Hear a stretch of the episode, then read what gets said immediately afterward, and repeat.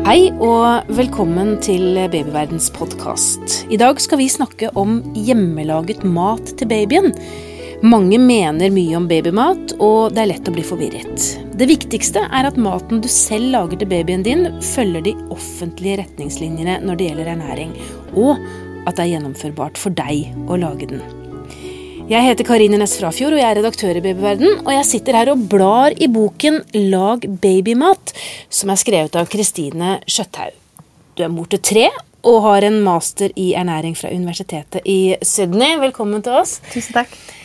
Dette med å lage babymat selv Vi vet jo at det er travelt å være nybakte foreldre, ha små barn, og så finnes det jo mye bra å få kjøpt. Hvorfor er dette å lage selv blitt en fanesak for deg? Det var, nok, altså det var enda mer en fanesak når jeg begynte for um, bloggen min for, i 2011. Men um, det er viktig for meg å lage mat hjemme. Det er viktig for meg å lage mat hjemme til hele familien. Og Derfor så blir det òg viktig å lage til babyen. For jeg tenker at de um, det er kjekt at de får spise det samme som oss. Eh, at det ikke er spesialmat til babyen. Eh, I begynnelsen så må du jo gjerne tilpasse konsistensen litt. de får ikke fredagstaco, kanskje? Nei, de får ikke fredagstacoen. Men de kan jo gjerne få gnage litt på agurken eller paprikaen. Så det å være med i måltidet, være med eh, til maten til familien, det syns jeg er viktig. Mm. Men um, det krever vel ganske mye, gjør det ikke det, når man har små barn, å lage babymat også helt fra bunnen av? Eh, det er ut utrolig lett hvis en kan eh, Hvis en eh, tar seg noen, gjør noen sånne små eh, sjakktrekk i begynnelsen og lager opp litt, lager noen isbitsformer, fryser ned, har et lager som en kan supplere med, så er det utrolig lett i starten. Samtidig så er jo dette en veldig sårbar og slitsom fase, og livene er veldig ulike for alle foreldre. Så det der med å tenke at Eh, jeg er også opptatt av at det ikke skal være stigmatisert å kjøpe maten i butikken. Eh, og det å finne balansen at det går an å lage litt og kjøpe litt og kombinere. Eh, men for meg er det viktig å lage hjemmelaga fordi at jeg, jeg kan få de til å like den maten vi vanligvis spiser. Og jeg liker å lage mat. Du kan krydre, du kan variere. Så det, så det der med å se verdien i å lage det hjemme, men gjerne kombinert med å kjøpe noe. Hvordan er det Jeg tror dette går litt i bølger, kanskje. For da jeg hadde små barn, det begynner å bli noen år siden, så var det liksom litt sånn rart å lage egen babymat, og veldig greit å kjøpe på glass. Men nå har jeg inntrykk av at veldig mange flere lager selv. Når jeg begynte bloggen, så var jeg, da var jeg ganske rar. Eh, når, jeg, ja, når jeg kom med mine hirsekorn og eh, skulle koke grøt og lage eh, middag med hirsekorn til middagen, så var det, det var rart. Eh, og så fikk jeg mange spørsmål, det var derfor jeg begynte å skrive eh, fordi jeg syns det var eh, Jeg hadde tatt utdannelsen i Australia og så at der var, var det mye mer eh, engasjement rundt hjemmelaga babymat enn det det var her hjemme. Og det maten jeg har valgt, er litt preget av den Australia-historien. Men så skrev jeg det ned, men så ser jeg nå har jeg fått tantebarn. Og kikker litt på hva som rører seg hos de foreldrene til disse små rundt seks måneder. Og da er det blitt en helt annen holdning om at hvis du ikke lager maten sjøl, så er det akkurat som du nesten ikke vil det beste for barnet ditt. Eh, og at det er en veldig eh, Foreldre ganske strenge med hverandre. Eh, og det syns jeg er uheldig, for det er ingen hold i at det er ernæringsmessig at det er et ernæringsmessig fortrinn med den hjemmelaga babymaten. Eh, det du kan tenke er fortrinn, er jo du kanskje raskere får de med rundt middagsbordet. Og det tenker jeg det er jo målet. At en skal slippe å lage ulik mat til, eh, til familien, men at en kan servere ett måltid. Eh, at du raskere kan venne deg til den maten vi sjøl spiser. At du kan krydre, og at du kan finjustere konsistensen. Og det er kanskje det viktigste. Fordi de kjøp, den kjøpematen er jo litt sånn trinnvis. Det går som en trapp. Eh, det er litt hakkete. Mm. Men maten du lager hjemme, kan du justere litt etter litt eh, konsistens på. Vi har laget en egen eh, episode med det å introdusere barn for fast føde med, med Gry Hai i, i Helsedirektoratet. Og, og, hun sa jo det at når du kjøper ferdig babymat, så er du sikker på at du får de næringsstoffene barnet trenger. Hvordan kan du være sikker på det når du lager det selv? Det er, jo, det er litt forenkla å si at du kan være sikker på det noen noen Som, Altså det, de, det, det, er strengt regulert med den kjøpte maten. Men hvis du bare kjøper én boks uh, og bare spiser den, så får jo ikke babyen det den trenger da heller. Så variasjon er jo stikkordet, uansett om du lager maten sjøl eller om du kjøper på butikken. Men når du skal lage hjemmelaga, så er jern det en må tenke mest på. Uh, så det med å bløtlegge mel, uh, introdusere kjøtt tidlig og være oppmerksom på jerninnhold, det er ganske viktig. Det høres jo litt komplisert ut, det også. Bløtlegge mel. Er dette ja. noe Ja, ikke sant? Altså, Hvordan gjør man det? Er det noen sånn konkrete tips da, til de som aldri har laget babymat selv, som kanskje skal prøve for første gang? Jeg tenker, altså Det der med å velge, finne ut en, en uh, melsort, havre. Havre er jernrik, og begynne med den. Og bli trygg på å lage havregrøt. Ja. Eh, og da legger du havren i vann på kvelden, og så koker du grøt. Og da kan du koke Eh, en stor porsjon og fryse ned i mini-isbiter eller eh, små glass. Og så tiner du nå etter hvert som du trenger. Men Hva er det som skjer da når du legger det i, i vann? Da er det et enzym som, eh, som frigjør jernet, så det blir lettere for, for, babyen å ta opp jern. For jern som er i sånne kornprodukter, er ikke så lett for kroppen å få tak i. Men eh, hvis du får både bløtlagt og hvis du tilsetter noe, noe C-vitaminrikt, altså gult eller eh, noe fargerike frukt eh, i den grøten, så øker du det ytterligere. Du nevnte jo å fryse ned. Jeg tror mm. kanskje planlegging også kan være et stikkord når man skal lage babymat? Absolutt. absolutt. Og det er, jeg tror, tror at det å ikke nødvendigvis lage nok til en måned, men å ha for et par dager. Eh, og det å ha en sånn basis av noe. Jeg pleide alltid å lage en grønnsaksmos eh, som jeg hadde i små isbiter, som jeg kombinerte med det vi hadde til middag.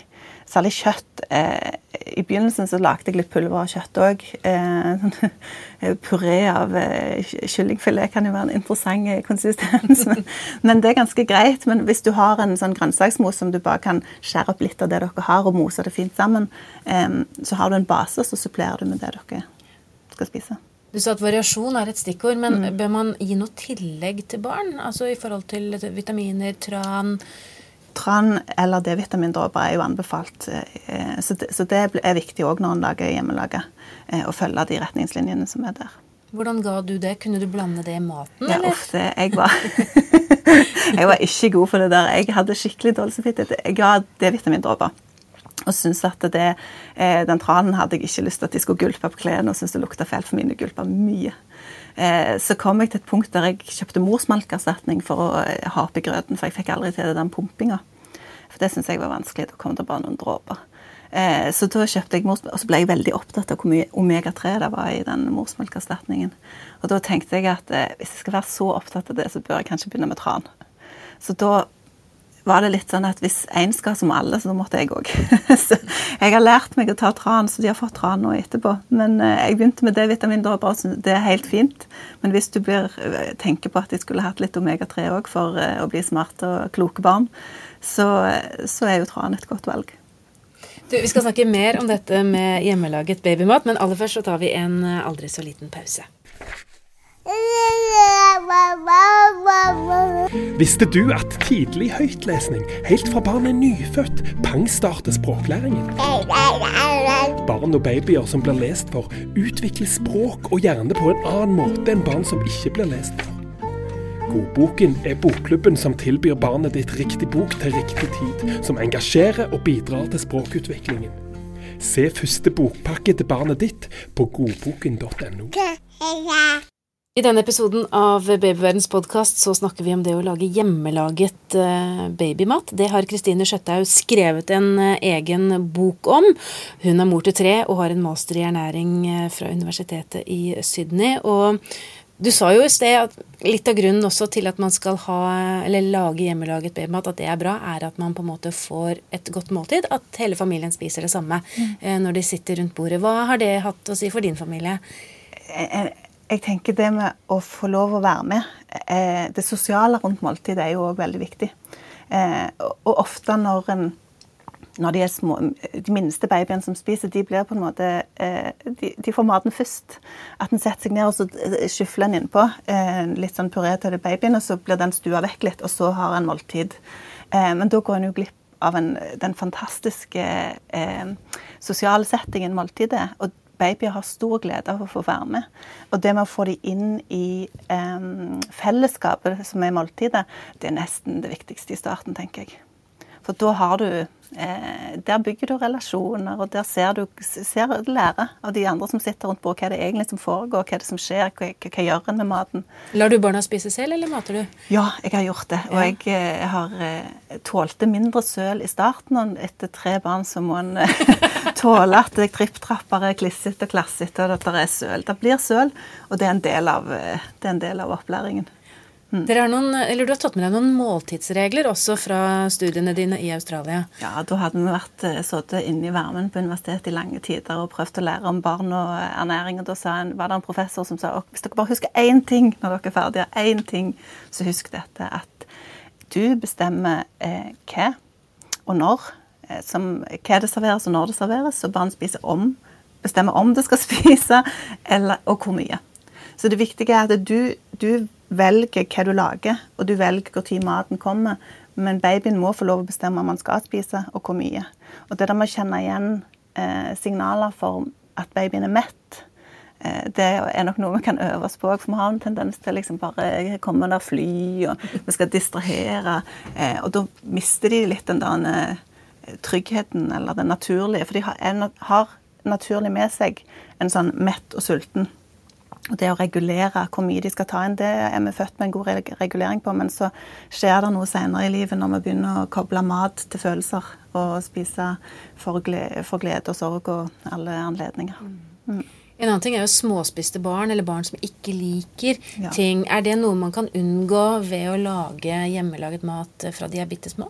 Jeg tror du kan få det til både med å kjøpe og lage hjemme. Men, men eh, fordelen med hjemmelaget er jo at du kan variere mer det er et større repertoar å ta fra hvis du lager det sjøl, og du kan krydre maten og lage variasjon. Og veldig mange tenker at når babyen lager grimaser, spytter det ut igjen, så det er et tegn på at de ikke liker, og så slutter de med den. Eh, det, hvis du vil gjøre, gjøre deg sjøl og babyen en tjeneste, så fortsetter du. Eh, Opptil 15 ganger med, med, dette, og gir det igjen og igjen, fordi da øver de seg opp på, på smaker. Det er jo helt nytt. Alt er helt nytt. De har jo bare drukket morsmelk eller morsmelkerstatning i seks måneder. Og da er det jo en revolusjon eh, når de får smake noe nytt. Og det er ikke rart om de spytter litt, eh, og om de rynker litt på nesen, for det er, det er nytt, og det skal læres. Og så er det det at det, er, det heter et smaksvindu i starten. Eh, det varierer litt, men det er omtrent når de begynner å spise. Da er de ekstra eh, mottagelige og åpne for å håndtere ulike smaker, selv om de spytter. Så ved å fortsette å gi dem det de har spytta ut, så øker du sannsynligheten for at de liker mer senere, og ikke blir sånn 'nei, vi ikke ha'. Og så, det, så, vet du jo heller ikke hva de andre barna liker, eller hva som er, eh, hva som er populært og ikke populært å spise ennå. Så det kan vi jo utnytte oss av som foreldre. Ja, før de kommer i barnehagen. Eh, det tror jeg er lurt, fordi da blir de veldig opptatt av det de andre barna eh, liker og ikke liker. Så det vil jo komme en periode der en ikke vil ha. Men det å lage den regelen at det har vi en ny regel når de blir litt større. At uh, alt skal på tallerken, men du bare spiser det du vil ha. Smaker på alt, men må ikke spise opp det hvis du ikke liker. Og så er det ikke lov å si 'nei, jeg liker ikke'. Uh, og det med å fjerne det fra bordet Vi snakker ikke om det som ikke er bra, vi snakker om det som var godt, og det vi liker. Det å endre stemningen rundt bordet til å bli et hyggelig måltid istedenfor å bli en sånn stressituasjon. Har du andre gode tips? Dette høres eh, så fint ut. jeg vet ikke, det, Jeg må ikke komme hjem når vi spiser middag nå. når vi ser de gode tipsene. Det er noe med å vite hva som er bra å gjøre det som er bra, for hverdagen er slitsom. Og det å klare å eh, senke skuldrene og tenke at eh, vi foreldre vil jo alle det beste for barna.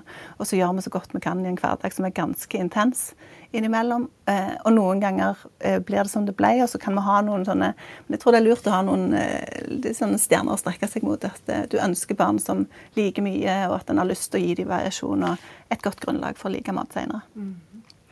Eh, du har mange gode oppskrifter i, i, boken din som heter 'Lag eh, babymat'. Helt eh, fra man skal introduseres for fastføde sånn ca. fire til seks måneder, mm. og opp til ett år. Men er det liksom noen sånn ingredienser du virkelig brenner for, som virkelig funker på de, på de aller minste? Ja. Det er søtpotet, fordi den smaker søtt, og det gjør morsmelk òg. Og så sånn, blir den sånn glatt og myk og god og det, de, det, liker babyene i starten. Og det er jo litt sånn inn for voksne for tiden òg. Ja. Mange som liker søtpoteter og bruker det. Det var ikke så inn for syv år siden. Nei, ja, 2011. Det er vel syv år siden. Ja. Når jeg kom, Da var det vanskelig å få tak i det i Fredrikstad. Da måtte jeg mase på, mase på butikken for at de skulle ta inn det. Men nå, nå finner du det. Um, og så så det er et godt bytte for den gulrota norske barn tradisjonelt har fått, for den blir gjerne litt knudrete. Um, også avokado. Det er jo fantastisk. Det er jo en gavepakke til babyforeldrene. Innpakka, han blir silkemyk og god. Han er eh, næringstett. Eh, sånn at der trenger du ikke tilsette så mye fett. Men hvis du gjør det, så blir han enda mer næringstett, så kanskje de sover litt bedre. Mm. Eh, og så tenker jeg òg at linser og bønner er noe mange er, både voksne og barn i Norge gjerne kan utfordre seg på. Fordi det, hvis vi skal spise litt, litt mindre kjøtt og litt mer eh, grønt, eh, og litt mer eh, vegetar, litt kjøttfrie mandager og sånn, så kan linser og bønner være noe vi kan både øve oss på med voksne og babyene og barna. Og det moser du på vanlig måte til barna? Ja, og de blir jo òg ganske sånn melende og fine når de er kokt. Mm. Men hvis man vil ha gode oppskrifter, så regner jeg med at man finner masse av det i, i boken din? I boka så ligger det ganske mye på bloggen. Hva heter bloggen din? Bloggen heter lagbabymat.no, så der finner du den. Veldig enkelt, mm. Eh, den også. Og den, selv om du nå har gitt ut bok, så skal du fortsette å Så ligger det tilgjengelig der. Ja, Skriver du fortsatt på bloggen, eller? Ja, jeg gjør det. Ja, mm. Så der kan man også finne oppdateringer hvis man det, lurer ja. på noe? Mm.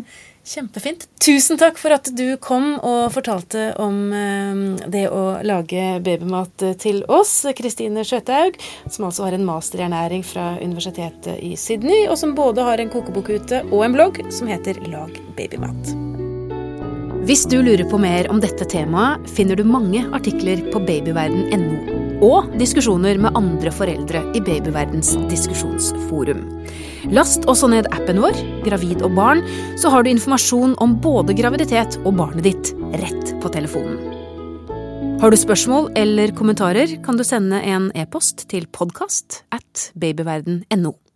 Men husk, vi er journalister, ikke helsepersonell, så hvis du har medisinske spørsmål, må du ta kontakt med jordmor eller fastlegen din. Takk for at du hørte på Babyverden. Alt godt til vi høres igjen.